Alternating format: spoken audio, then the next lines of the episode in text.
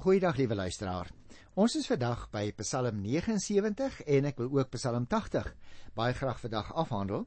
Twee interessante psalms. En net soos by Psalm 78 sal jy sien die opskrif by Psalm 79 is ook baie kort. Daar staan ook net 'n gedig van Asaf by 78 en hier by 79 staan dan 'n psalm van Asaf. Maar nou ja, ek dink nie dit is regtig 'n spesifieke betekenis wat ons daaraan hoef toe te ken nie. Die opskrif in die Afrikaanse samevatting is: Help ons o God, ons redder. Jy sien, liewe luisteraar, dit lyk vir my dit gaan in Psalm 79 hieroor dat jy en ek regtig verseker kan weet dat die besondere band tussen die gemeente en die Here nie maar net op menslike gedagtes berus nie. God het in die verlede die mense in sy gemeente verlos. En as 'n moeilikheid sou kom, wie wat? Hy sal dit weer doen om ons uit te haal uit moeilike omstandighede.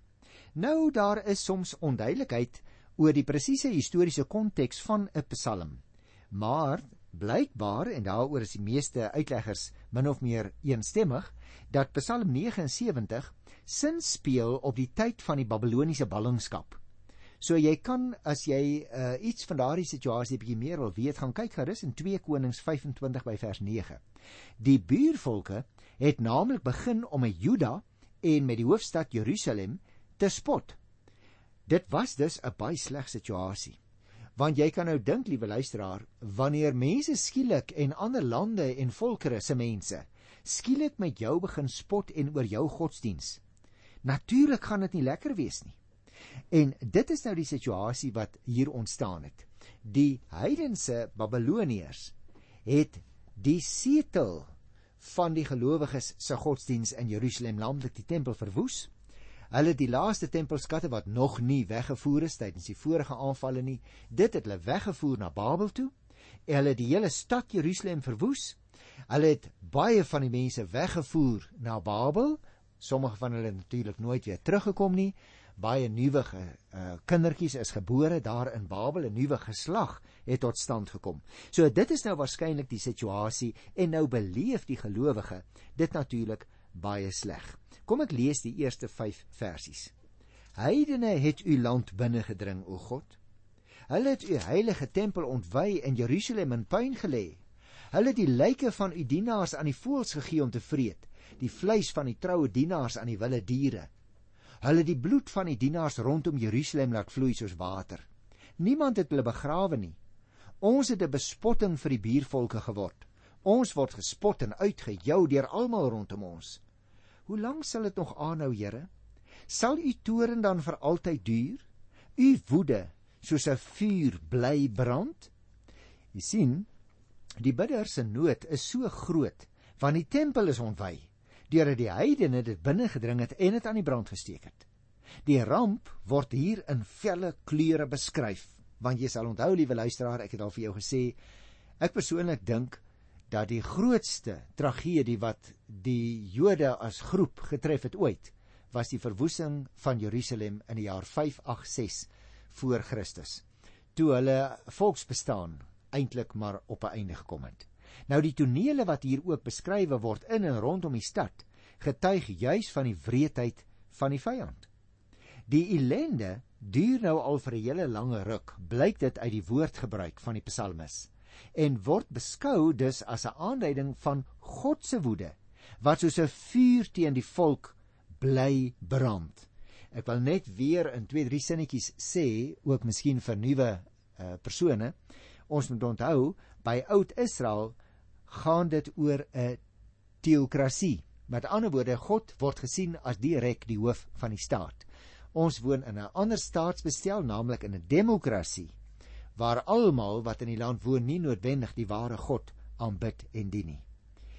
Ons het nietemin in hierdie Psalm dus baie interessante toespelings op die geskiedenis. En die tempel is nou ontwy deurdat die heidene dit binne gegaan het en dit aan die brand gesteek het. Dit moet vreeslik gewees het daar aan die einde van die eerste vers nê. Nou indien die datering korrek is, dan is die heidene dus die Babiloniërs en die buurvolkere wat nou rondom die land woon het nou met Juda en by name met Jerusalem waar die tempel was, gespot. Die ellende duur nou al lank en daarom word dit beskou as 'n aanduiding van God se woede wat soos 'n vuur bly brand. Met ander woorde, dit is asof dit nie wil ophou nie. En ons weet dat uh van die eerste mense wat weggevoer is tot die laaste wat uiteindelik teruggekom het, is is die beste van 70 jaar wat hierdie tyd aangehou het. So dit is dus nie by die begin van die ballingskap wat uh, Psalm 79 ontstaan het nie, dit het eers later tydens die ballingskap ontstaan. Kom ons kyk nou na die tweede en laaste perikoop van Psalm uh, 79, naamlik vers 6 tot by vers 13. Ek gaan dit ook weer lees en dan gaan ons 'n bietjie met mekaar daaroor gesels. Laat u gramskap die heidene tref. Hulle dien u nie. Laat dit die koninkryke tref wat u naam nie aanroep nie. Dit is hulle wat vir Jakob tot niet gemaak het en sy woonplek verwoes het. Moet tog nie die ongeregtighede van vorige geslagte op ons laat neerkom nie. Ontferm u tog gou oor ons, want ons kragte is gedaan. Help ons, o God, ons redder, ter wille van die eer van u naam, red ons, vergewe ons ons sondes tot die eer van u naam. Waarom moet die heidene sê, waar is hulle God nou? Laat hulle aanskou u straf en die heidene tref oor die bloed van die dienaars wat vergiet is. Slaan tog ag op die gesig van die gevangenes.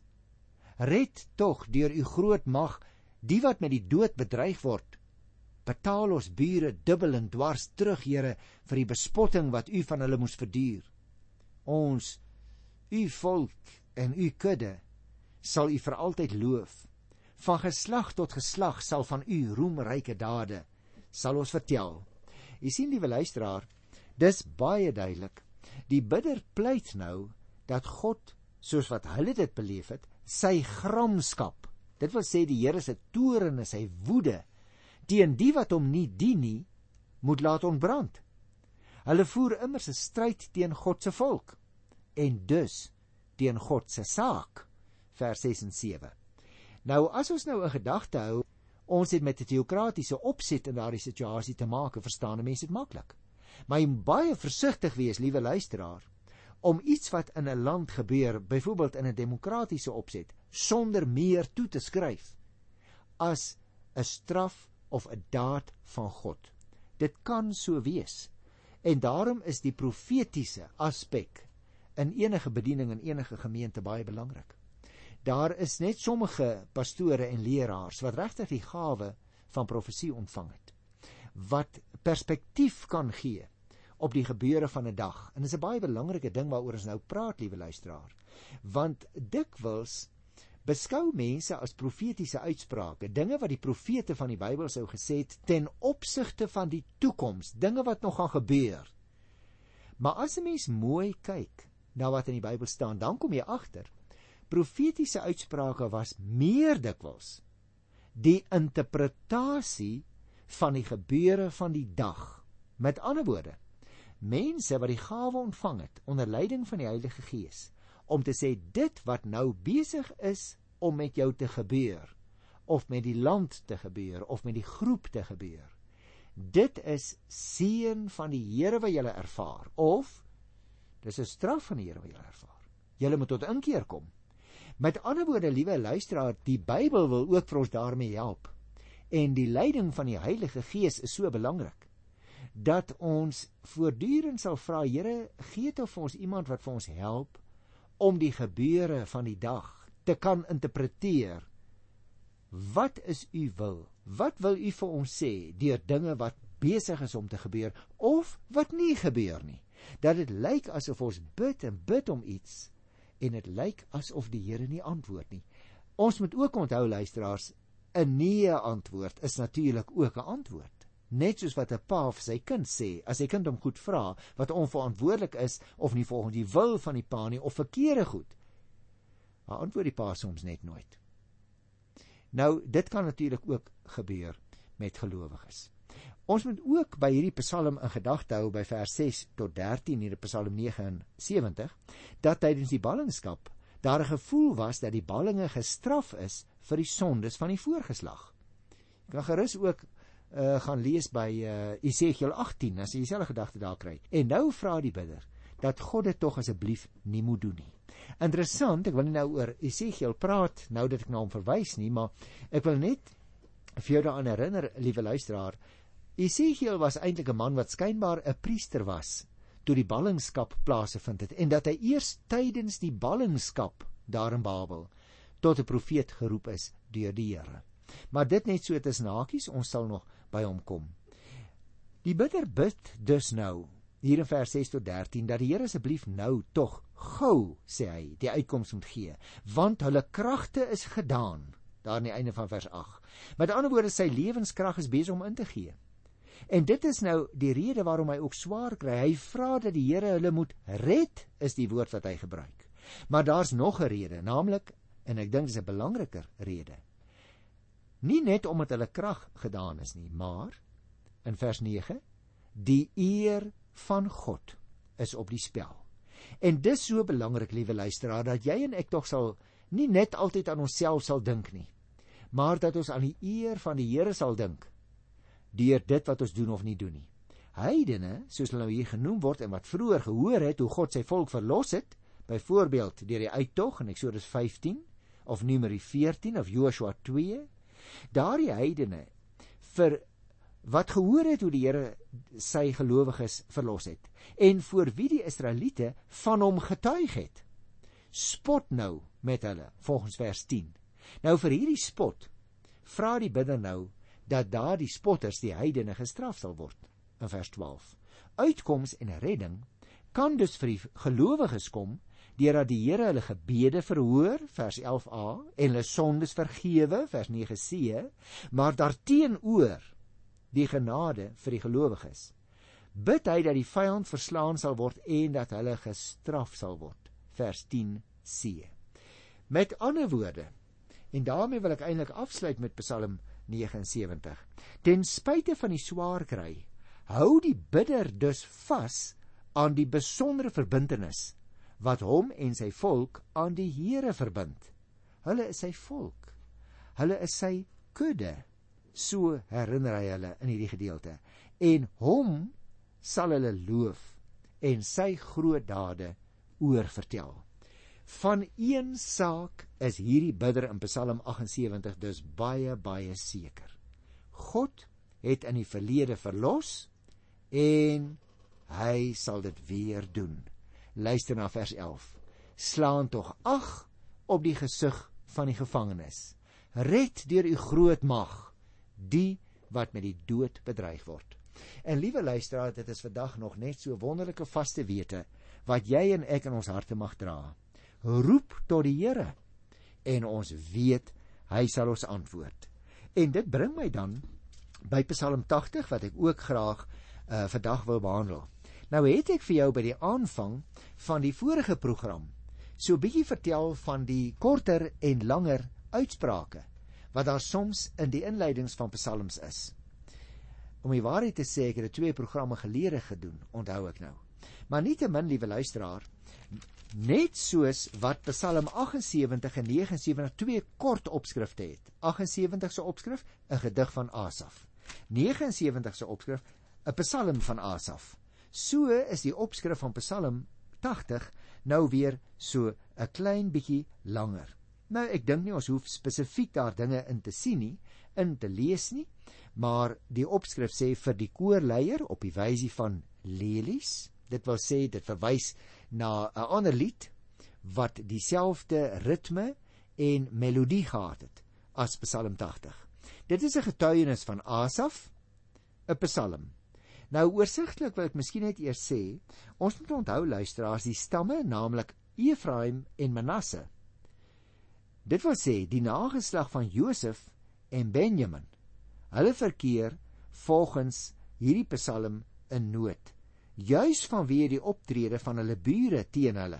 En jy onthou, daarom behandel ek ook die twee Psalms saam, Psalm 79 wat ons nou net gedoen het, is in dieselfde situasie.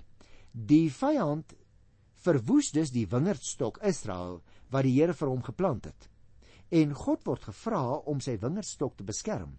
Nou hierdie Psalm 80 verwys waarskynlik na 'n vroeëre wegvoering van die mense wat in die gebied van Israel gewoon het. Dit wil sê in die Noordryk waar Psalm 79 na 'n soortgelyke gebeurtenis verwys het, maar dit was 160 jaar later in die geskiedenis, naamlik die verwoesting van Jerusalem.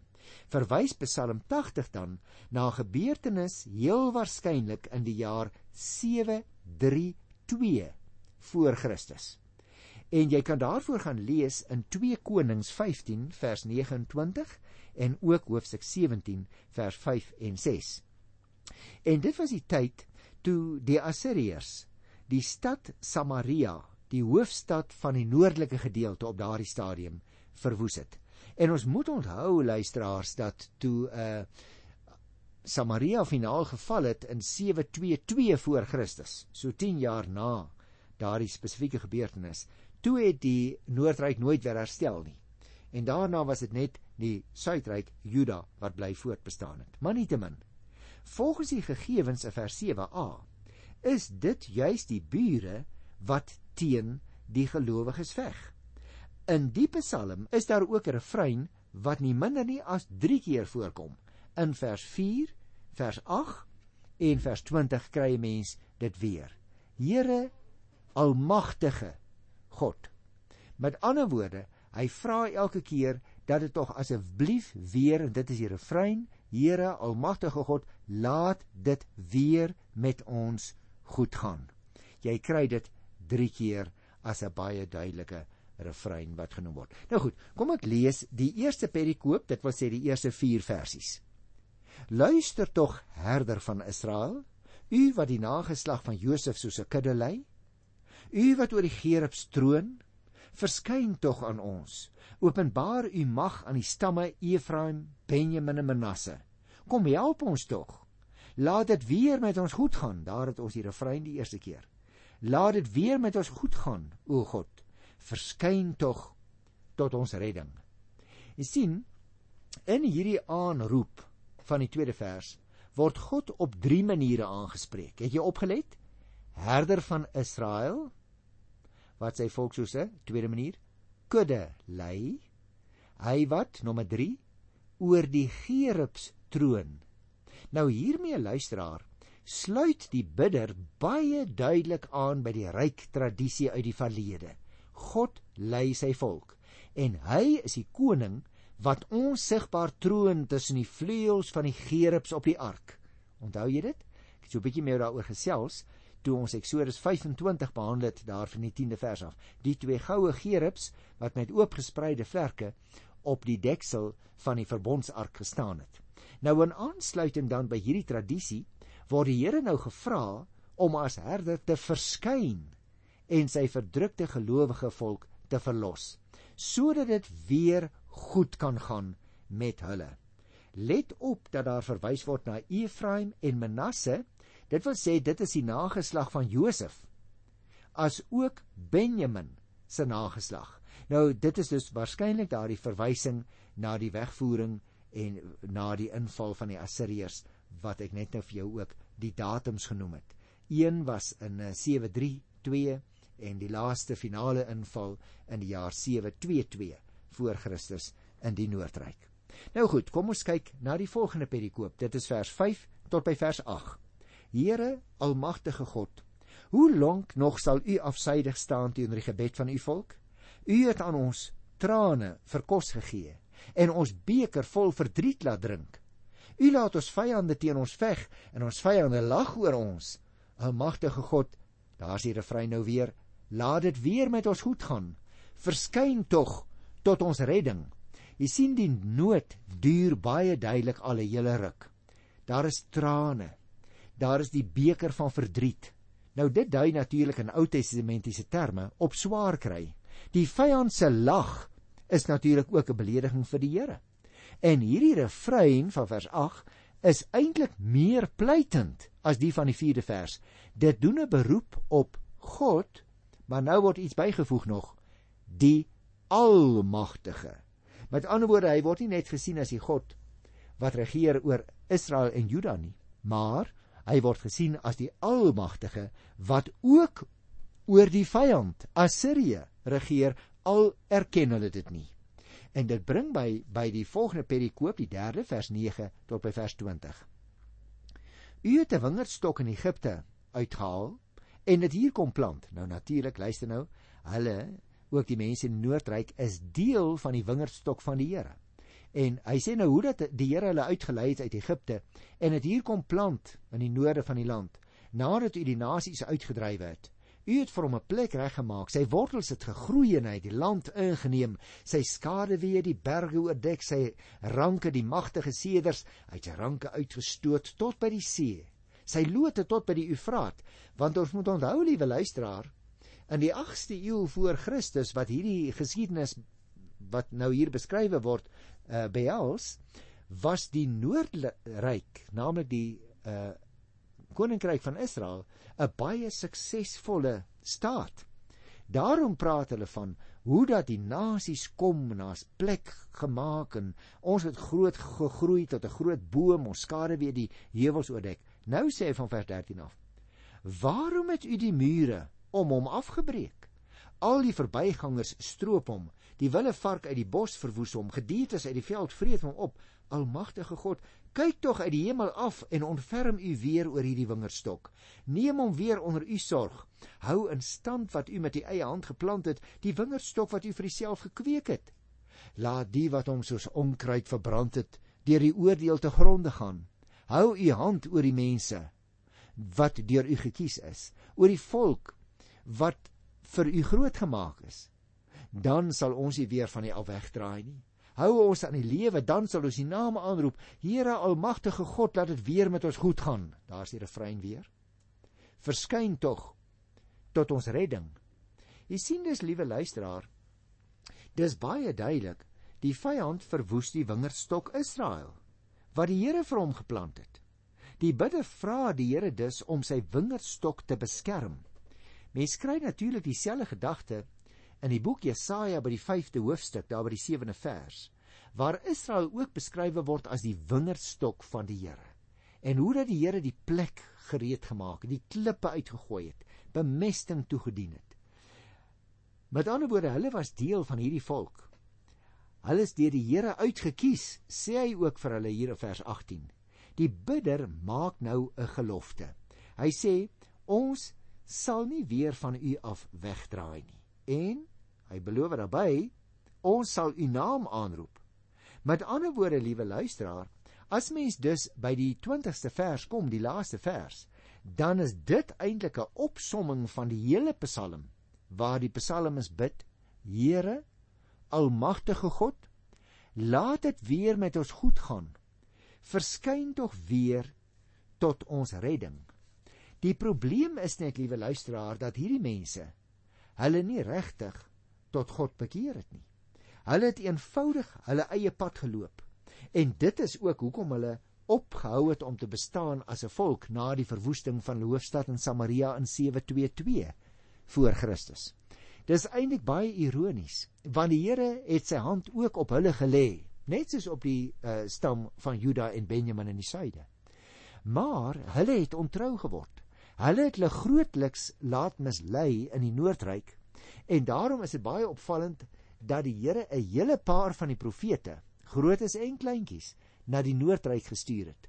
Om die waarheid te sê, een van die skerpste profete wat maatskappykritiek baie vel toegepas het in die noordryk, was die profeet Amos. Julle kan so lank oor hom lees, ek wil nie nou oor hom praat nie, maar hy het juis uit die suide gekom. Hy was 'n boer wat willevye gekweek het. Hy het uit die suide gekom en hy moes in die noordryk gaan optree. En die mense in die noordryk wou nie na hom luister nie. Want hulle het vir hom gesê: "Hoorie man, maar jy kom ons uit die suide, gaan daarheen terug. Jy kom ons uit 'n ou klein dorpie, jy's net 'n boer, wat weet jy van ons in die noordryk?" Maar sal onthou dat Amos vir hulle gesê het: "Nee, ek is nie so 'n profeet wat uit my eie kom praat nie. Die Here het my gestuur." Maar hulle het hulle nie daaraan gesteer nie. Dis vir my interessant en dis 'n slotgedagte. Gewoonlik dank die bidder aan die einde van 'n Psalm die Here vir die uitkoms wat reeds gekom het. Maar interessant. Hier in Psalm 80 is daar nog geen aanduiding dat die verlossing vir die volk gekom het nie. Dis baie moeilik om onder sulke omstandighede te bly hoop. Maar dis juis waarom geloof gaan, liewe luisteraar, naamlik dat ons die onsigbare sal sien. Kom ons kyk na ons land. Wat uit hierdie land is dit waarmee jy graag na die Here toe wil gaan?